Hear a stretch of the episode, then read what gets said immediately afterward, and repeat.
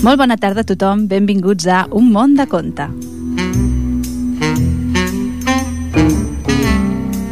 Com tots els dimecres, a Ripollet Ràdio, a l'emissora municipal, jo mateixa, la Mar Viera i el control tècnic, en Jordi Puy.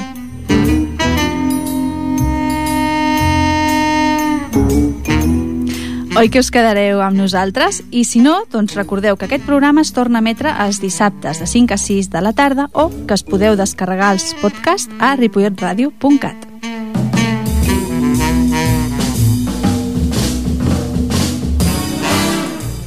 Doncs avui portem quatre contes que, doncs, bueno, espero que us agradin molt. Són La peça de roba, El fill de la dona d'aigua, Les monedes del follet i El follet de casa.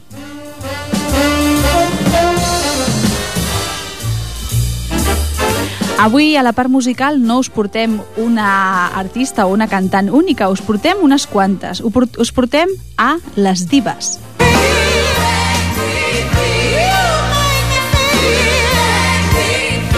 Bé, en realitat no es tracta d'un grup, sinó que és el registre d'un concert històric que es va transmetre a milions de persones i que va reunir a cinc grans figures de la cançó. A la Mariah Carey, que ja la vam tenir amb nosaltres al programa, a la Gloria Estefan, a la Shania Twain, a l'Aretha Franklin i a la Celine Dion. Totes elles, doncs, en aquest concert van interpretar èxits per separat de, de les seves carreres i també doncs, van cantar algunes peces juntes que avui doncs, també escoltarem. Esperem que us agradi.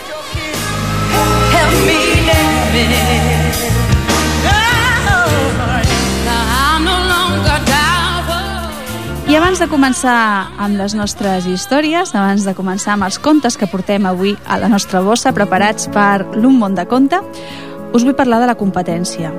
No, no, no de la competència de rac eh? No, us vull parlar de la competència perquè us vull parlar de ràdio. I us vull parlar d'un concepte nou de, de ràdio eh, que va destinat a petits. Ja sabem que tots escolteu Ripollet Ràdio, que sempre teniu la vostra ràdio al dial 91.3, però també sabem que de vegades doncs, la programació pels més petits doncs, bueno, hi ha estones que no és adreçada als més petits i per tant us vull parlar d'un projecte que sí, que sí que va adreçat a petits i que la veritat quan jo el vaig descobrir doncs em va agradar molt. Fa poquet que està en funcionament. Uh, en realitat està en funcionament des del passat juliol i és un, un projecte que es diu Lentejas para tus orejas. Què és això? Doncs bueno, Lentejas para tus orejas és una ràdio o un concepte de ràdio per petits. Uh, emet des, a, a internet des del passat juliol, com us deia, i es tracta d'una ràdio per nens de 0 a 8 anys on, bueno, doncs d'alguna manera els ajuden a explorar i a descobrir el món que, que els envolta a través del so. El fil conductor és la música i es van alternant una sèrie d'espais que duren durant doncs, uns 10 minuts cadascun, on els nens i les nenes no s'avorreixen i centren l'atenció en una altra cosa. Doncs, per exemple, consells per crear històries, contes per despertar, tallers d'instruments casers, eh, casolans, perdó, contes de tots els països del món, curiositats sobre animals i moltes més activitats que us proposen. Creiem que és la millor forma de tenir entretinguts els més petits, quan la programació de Ripollet Ràdio doncs, no és adreçada a petits i que els seus continguts doncs, fomenten la seva imaginació i la seva creativitat. El que heu de fer és, doncs, bueno, al Google entrar, eh, teclegeu lentejas per a tus orejas, a més a més el títol és super original i res més, espero que si alguna vegada entreu doncs ho pugueu disfrutar.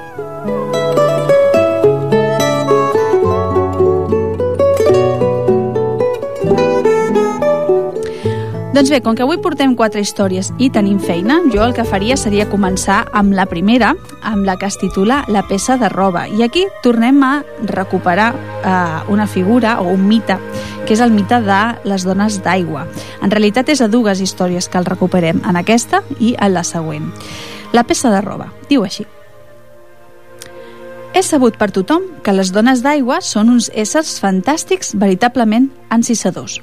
Viuen a la vora dels rius, als gorgs o en coves sota els torrents per on passen les aigües més fredes de les muntanyes.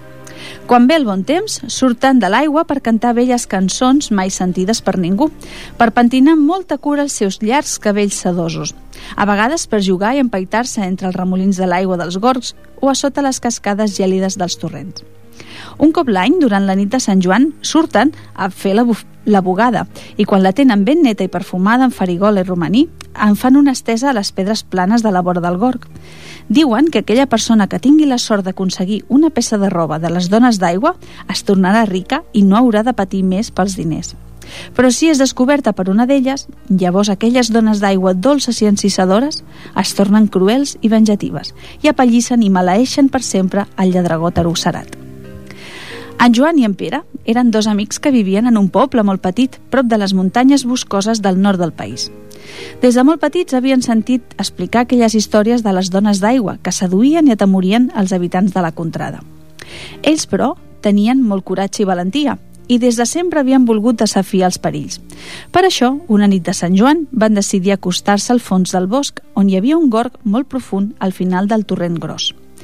Sortiren tots dos, tal i com havien convingut, sense dir res als seus pares, i s'endinsaren bosc enllà per amagar-se rere els matolls i les espesses falgueres de vora el gorg. Esperaven pacientment i amb una mica de por que arribessin les 12 de la nit. Només se sentia el xot i un rossinyol que conversaven i el ric-ric dels grills del fons. Quan ja faltava poc per, poc per mitjanit, un silenci sepulcral ho envaí tot i l'aigua del gorg començà a remolinar-se tot fent un soroll com de xuclador. De dins en sortiren quatre dones d'aigua amb un cova de roba per rentar. Començaren a cantar unes dolces melodies mentre rentaven la roba al gorg i l'esclarien al torrent. Cada peça de roba era posada amb molta cura damunt les pedres planes de vora el gorg per aixugar-se. Després hi escampaven brots de farigol i romaní que deixaven anar una olor agradable a la nit. En Joan, que era més viu que una centella, va pensar que havia arribat el moment. O ara o mai, es va dir. I d'una revolada prengué una de les peces i amb en Pere al darrere fugiren cames, ajudeu-me, amb el cor bategant a cent. Les dones d'aigua, en veure's descobertes i no podent xampar els dos bailets que ja eren ben lluny del gorg, desaparegueren aigües endins. Els dos amics, que encara corrien, tremolaven de pensar que les dones d'aigua els venien al darrere i no van parar fins a arribar a la clariana més propera al poble. Encara bufaven quan van fixar-se bé en aquella peça de roba blanca. S'adonaren que s'havia allargat molt. Ben sorpresos, van decidir partir-se-la i tan bon punt ho van fer, cada tros es va convertir en una peça d'or. Amb aquella fortuna van viure molt bé durant tot l'any, però els entra l'ambició de fer-se més rics encara. Per això van decidir, sense dir-se res entre ells, tornar a provar sort la propera nit de Sant Joan. Arribada la nit màgica, els dos amics i veïns s'amagaran en llocs diferents sense que un veiés l'altre. El xot, el rossinyol i els grills posaven música de fons, fins que arriba la mitjanit i tot quedà en silenci. Com l'altra vegada, l'aigua del gorg s'arremolinà fent un soroll de xuclador i sortiren les quatre dones d'aigua amb el cova de roba per rentar. Quan van estendre la primera peça de roba, en Joan i en Pere van tenir la mateixa pensada i es llançaren al damunt per robar-la, però els desaparegué els dits. Les dones d'aigua que ja s'ho temien els agafaren pels cabells, els revolcaren pel fang de vora el gorg i els van ben apallissar. Mentre reien i es divertien d'allò més, anaven sortint més dones d'aigua de dins el gorg i de les esquerdes profundes de les roques de vora el torrent. Amb la por al cos, aconseguiren escapar-se i no van parar de córrer mai més. I si no us ho creieu, aneu-hi i ho veureu.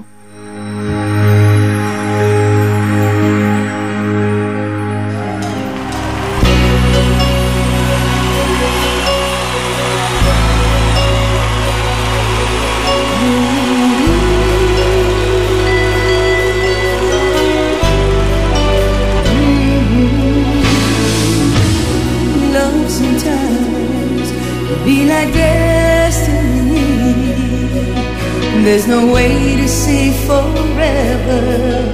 You may not realize your dream.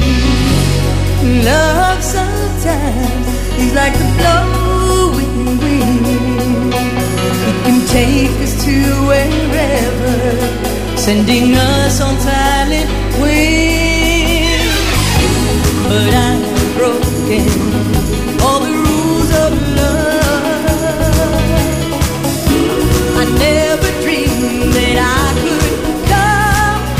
far. There's now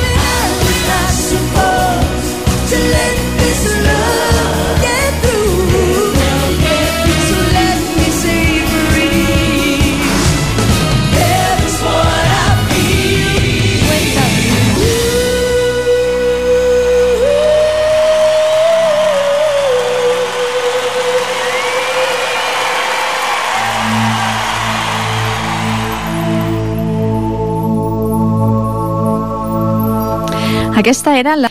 Bé, aquesta història que us contaré doncs és també està també relacionada amb, amb les dones d'aigua.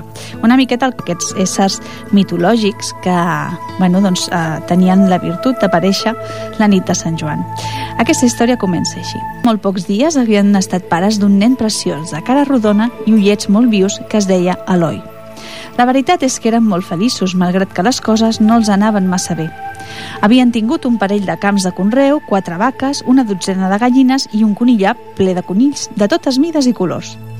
Una malaltia ben estranya va fer que els seus animals anessin morint un a un. Els camps de conreu no donaven prou per viure i tenien problemes de diners. Un bon dia, la Maria va sortir amb el seu fillet a coll a passejar pel bosc que tocava a casa seva. Pel camí, el nen no parava de rondinar i somicar perquè tenia gana.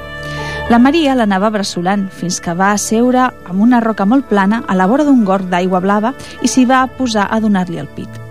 El paisatge era realment bonic. L'herba tenia una verdor esplèndida. Hi havia moltes flors blanques, petites com els botons del, del jerseillet que duia l'Eloi. I per damunt de la roca, les formigues anaven amunt i avall ben carregades cap al seu niu. La poca aigua que queia d'una cascada anava per al gorg i feia un soroll agradable. Una puput s'havia posat a la branca d'un pi i mirava tranquil·lament tot aquest espectacle. La Maria contemplava també tota aquella bellesa de paisatge i mirava el seu fill com s'atipava. Amb aquella carona i aquells ullets tan vius. De mica en mica s'anà sentint una olor molt fina i dolça, com de flor de tarongina. Cada vegada aquell perfum es deixava notar més. De sobte, l'aigua del gorg va començar a rissar-se i després a remolinar-se, com si hi hagués un xuclador. I un vent carregat d'olor de tarongina va fer fugir aquella tafanera puput. A la Maria no li va fer gaire gràcia tot allò i va anar per aixecar-se quan de dins del remolí del gorg va veure sortir a poc a poc una dona d'aigua amb un nen molt menut als braços. La dona d'aigua tenia els cabells del color del blat, llargs fins als genolls i portava una corona i un collaret preciós de flors de tarongina. Tenia la pell blanca com la neu de les muntanyes i els seus ulls plens de llàgrimes. Eren del color de l'aigua del gorg.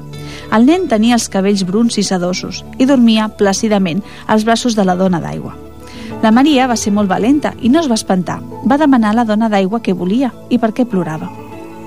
Bona dona, va contestar la dona d'aigua amb una veu suau però trista. El meu fillet es morirà si no pot menjar. Les dones d'aigua no podem donar llet als nostres fills i se'ns moren.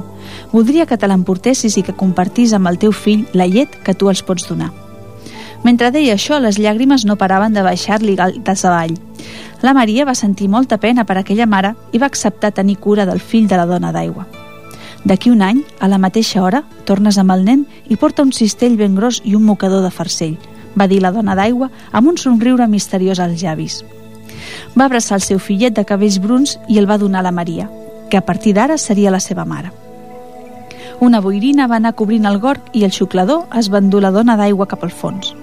Quan la Maria va arribar al mas, en Joan va quedar d'allò més parat. Havia marxat amb el seu fill i ara tornava amb dos. La seva dona li ho va explicar tot.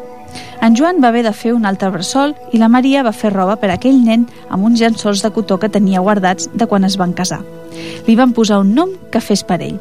Es va dir, es va dir Moisès, perquè tenia veu d'aigua. Quin dia passa? Any empeny, va dir en Joan quan va veure la seva dona amoïnada. No et preocupis, has fet bé d'ajudar aquella dona i el seu fillet. Quan ja feia 15 dies que tenien el nen de la dona d'aigua, els camps de conreu d'en Joan havia donat una collita excepcional, com mai de la vida ho havien fet. Van vendre bona part de la collita i això els va permetre viure una mica millor. El temps passa volant i els nens van anar creixent junts, com si fossin dos germans.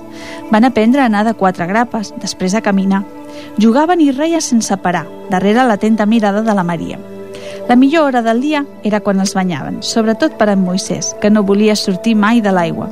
Xipollejaven, s'esquitxaven entre rialla i rialla i quedava tot ben xop. Aviat, però, va arribar la data fixada amb la dona d'aigua. Havia passat un any i la Maria havia de complir la seva promesa. En Joan i l'Eloi es van quedar d'allò més tristos quan la Maria, fent el cor fort i amb molta pena, va agafar en Moisès per dur-lo amb la seva mare. Quan va arribar al Gorg tot era igual que aquell dia. Les petites flors blanques, la clara blavor de l'aigua del Gorg, el soroll discret de l'aigua de la cascada, l'esplèndida verdor de l'herba, la roca plana i les formigues carregades cap al niu. Fins i tot la tafanera puput era la branca del pi. no va tardar gens a sentir-se la dolça olor de tarongina que avisava de l'arribada de la dona d'aigua. El remolí del gorg va ser sobtat. En un instant ja es van veure els cabells i la corona de flors que sortien i un somriure de felicitat immens als llavis de la dona d'aigua. Tenia els braços ben estirats per rebre el seu petit, que tant havia enyorat. Ara era la Maria qui tenia els ulls negats de llàgrimes. Havia estimat en Moisès com si fos un fill seu. La dona d'aigua va comprendre la plena que sentia i li va dir en agraïment per tot el que has fet, dona'm el cistell i el mocador de farcell. Te l'omplo de llavors de blat, però sobretot per res del món aixequis el mocador que ho tapa. I amb aquestes paraules la dona d'aigua i el seu fill van desaparèixer al mig de la boirina cap a dins del gorg. La Maria va tornar amb aquell cistell que com més caminava, més pesava. Per sort, no vivia gaire lluny i no va tenir temptacions d'espiar que hi havia realment a dintre. Quan va arribar al mas, en Joan i l'Eloi l'esperaven a la porta, amb la mateixa tristesa amb què els va deixar. Van entrar al cistell a la cuina i van treure el mocador. Quina fou la seva sorpresa en veure que dins hi havia un munt de llavors, però no de blat, sinó d'or. La família del Mas Blanc mai no va oblidar la dona d'aigua i el seu fill, que de ben segur devien viure ben feliços al fons del gorg blau. I tot això és veritat, i si no t'ho creus, s'han acabat.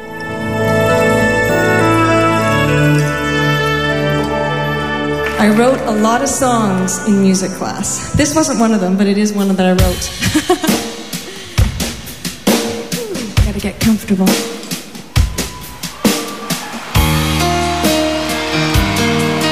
Mm, Looks like we made it. Look how far we've come, my baby. We might have took the long way. We knew we'd get there someday. They'll never make it. But just look at us holding on. We're still together, still going strong.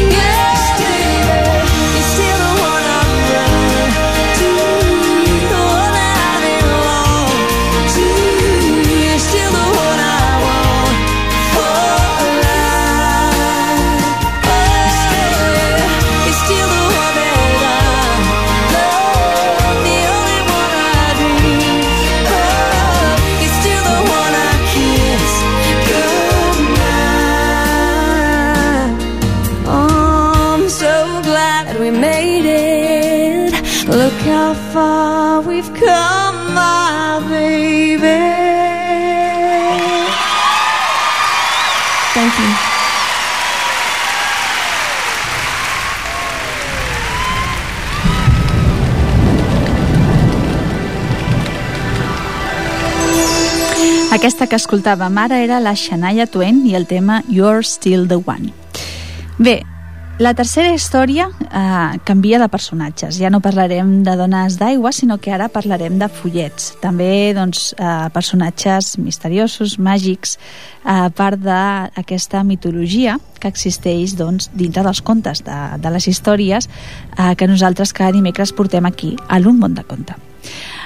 Les monedes del follet. Diu així. Heus aquí que en una vall de les nostres terres catalanes hi havia un parell de veïns, en Quel i en Narcís, que feia molt de temps que se les tenien. En Quel era l'amo de Pla damunt i en Narcís de Pla davall. Les seves terres eren seguides, una al costat de l'altra, sense res que les separés. Cada dia es barallaven. Un dia per si m'has embrutat el rec, l'altre per si les pomes de la pomera cauen al meu costat, l'altre per si les teves ovelles s'han cruspit la meva herba. No hi havia dia de l'any que no s'escridassessin i es barallessin. I fins i tot s'amenacessin. Un dia, mentre es barallaven arran dels horts, varen quedar muts de sorpresa quan van veure que allò que semblava una col era un homenet rebassut, tot vestit de color verd i cobert amb un capell ple de floretes blanques. Era un follet. Ja n'estic tip de tantes baralles i de tantes amenaces. Si de debò us desitgeu tan mal una a l'altra, no n'hi ha prou amb les paraules. Jo us facilitaré la manera de dur-ho a terme. Seguiu-me, els va dir, amb una veueta aflautada i enrabiada. I caminant, caminant, muntanya amunt, es va portar cap a un indret secret. Allí els feu entrar en una cova fosca, humida i plena de verdet. El follet, que tenia la virtut de veure si a les fosques, va furgar darrere d'una roca i en va treure una bossa de cuir. Teniu aquestes monedes, digué mentre donava a cada un dels homes tres peces d'argent. Si cada vegada que formuleu un desig llanceu a mitjanit a la riera una d'aquestes monedes, el desig es realitzarà.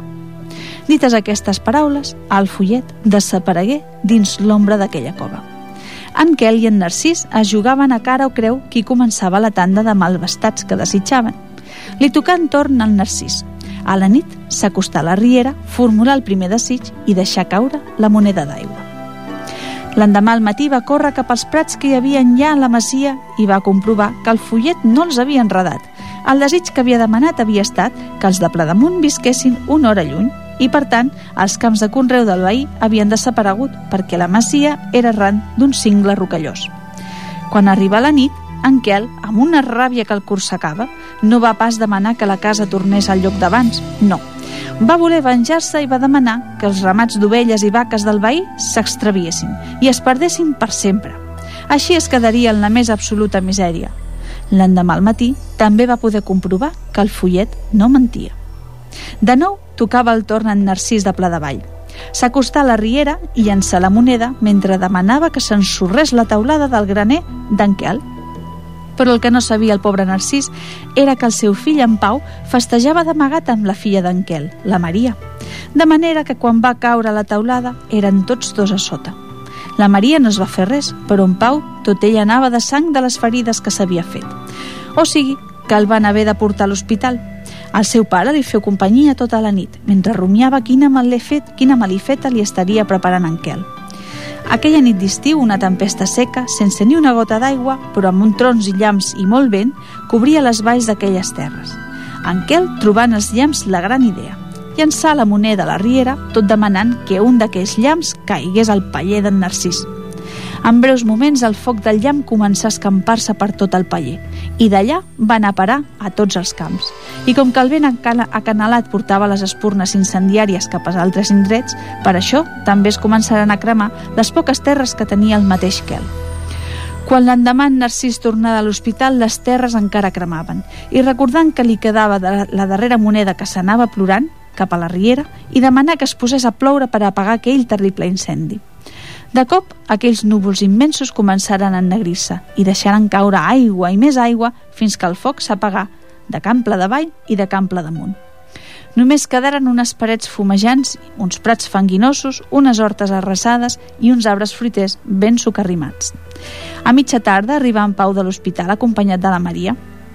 Per primera vegada, les dues famílies es reuniren, parlaren sense escridassar-se i s'adonaren del disbarat que havien fet. Tot per venjança i enveja. En Quel encara tenia una moneda i va demanar a Narcís que l'acompanyés a la riera. Passaren per aquell antic hort i entre el fang i les cendres els semblà veure una col gegant, que va resultar ser l'homenet rebassut vestit de verd. Què? Ja n'heu tingut prou? Què més voleu ara? M'han preguntat tot emmorriat. Volem llançar la moneda i desitjar que totes les coses tornin a estar com abans. D'acord, va dir el follet amb aquella veu aflauta- aflautada, però amb la condició que mai més us torneu a barallar. I així va ser com en Kelly i en Narcís, a part de ser consogres, no es van tornar a barallar mai més. Bé, mai més tampoc, perquè el follet els va concedir la gràcia, tan humana, de poder-se barallar un cop a la setmana, la tarda del dissabte. I catacric, catacrac, el conte s'ha acabat.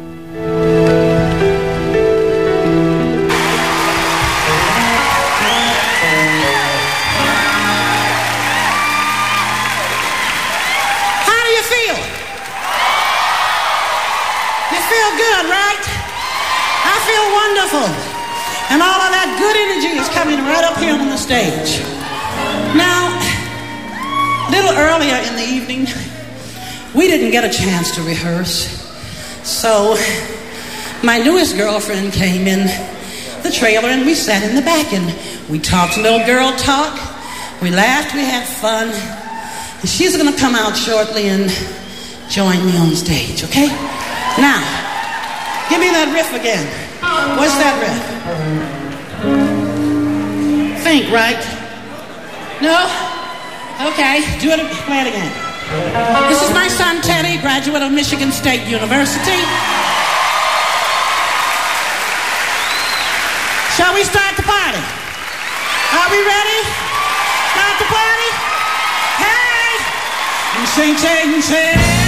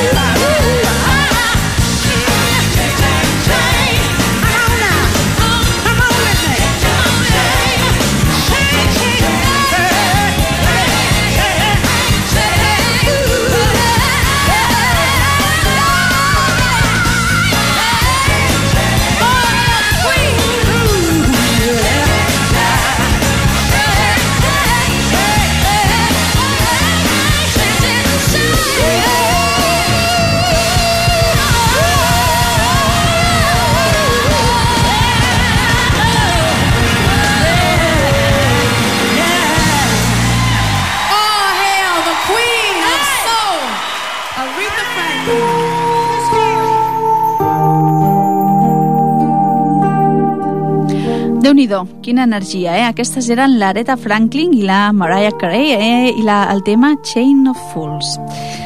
Bé, doncs arribem a la darrera història. Com us deia, també eh, al to entorn als follets, en aquests altres personatges màgics que surten als contes, i aquí, a un món de conte, doncs surten moltes vegades. Diu així. El títol del, del conte és El follet de casa.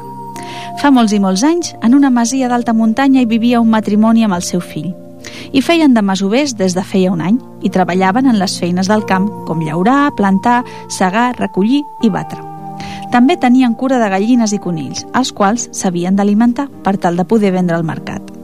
Mentre el noi i el marit anaven a treballar al camp, la dona donava de menjar als conills i a les gallines i collia alguna verdura del petit hortet que tenien al costat mateix. Bledes, mongeta tendra, cebes, alguns alls, quatre coses que els servien per als seus àpats. Sovint, però, alguns s'entretenia massa i llavors havia de córrer a fer el dinar i tenia les coses a punt per quan arribessin el seu fill i el seu marit de treballar. Des de feia un temps la família estava molt intranquil·la perquè a les nits se sentien uns sorolls misteriosos.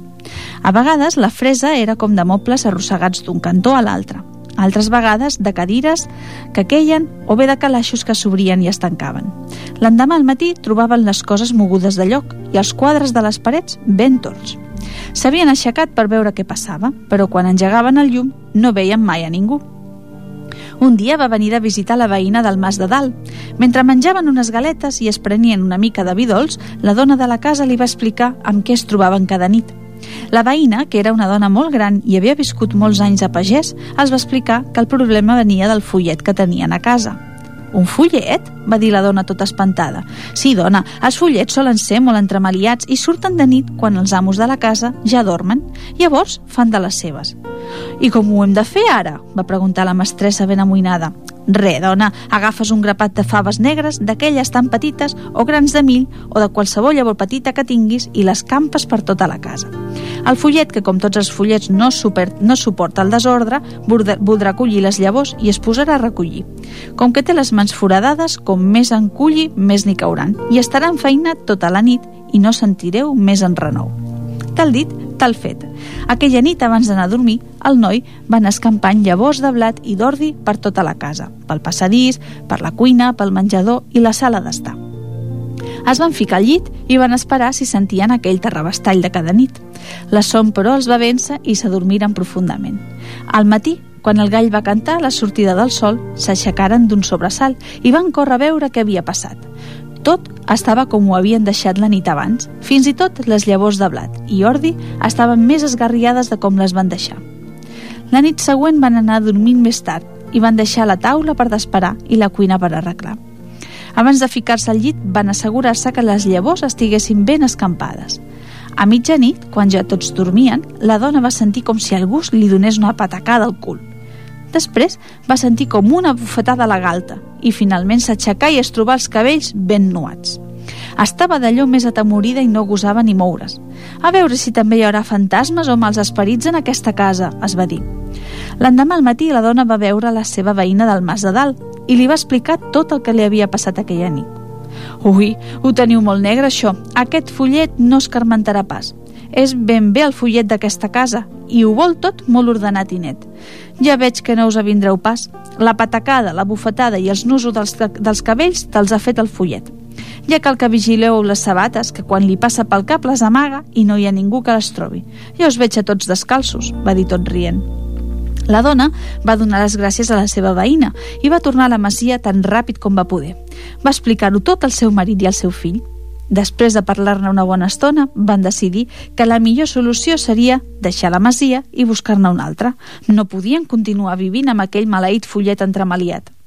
A migdia, després de dinar, començaren a recollir els atuells de, de cuina i la roba de les habitacions. Buidaren la calaixera de trastos, carregaren els sacs de blat, recolliren les verdures de l'hort i les gàbies amb les gallines i els conills. Tot plegat, una bona feinada. Ho carregaren tot al carretó i a mitja tarda deixaren la masia camí enllà. Camina que caminaràs i amb aquell carretó tan carregat ja s'anaven acostant al poble. Tot d'una, la dona es recordà que s'havia descuidat la paella petita de feus ferrats i va dir «Malaguanyada paella, tan bé que anava. Sí que em dol haver-me-la deixat. Si pogués, l'aniria a buscar. Va acabar de dir això quan de sobte va sentir una veueta molt fluixeta que deia «Ja la porto jo, no patiu!» Es van girar i van veure la paella petita que els anava seguint com si tingués vida pròpia. El follet, gairebé invisible als ulls de tots, anava a viure amb aquella família. Era el seu follet. I conte contat, follet entremaliat.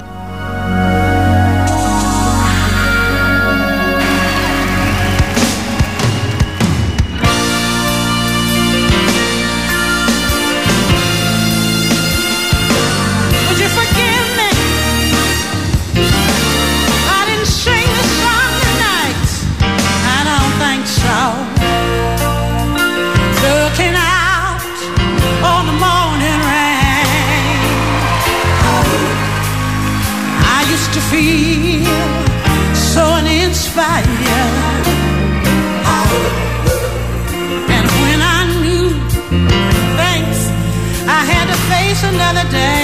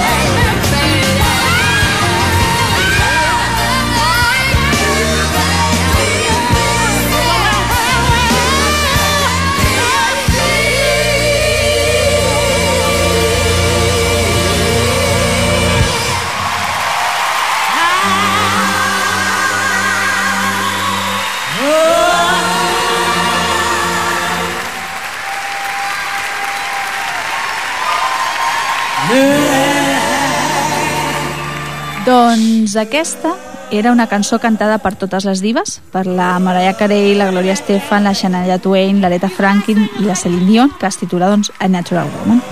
I hem arribat al final del programa. I bé, esperem que us hagin agradat molt les històries que us hem portat, que us quedeu amb nosaltres també la setmana vinent, recordeu, els dimecres de 6 a 7 a la tarda, aquí a l'emissora municipal. Moltes gràcies, Jordi, pel teu suport al control tècnic i el que us deia, ens tornem a trobar la setmana vinent. Un petó i que sigueu feliços.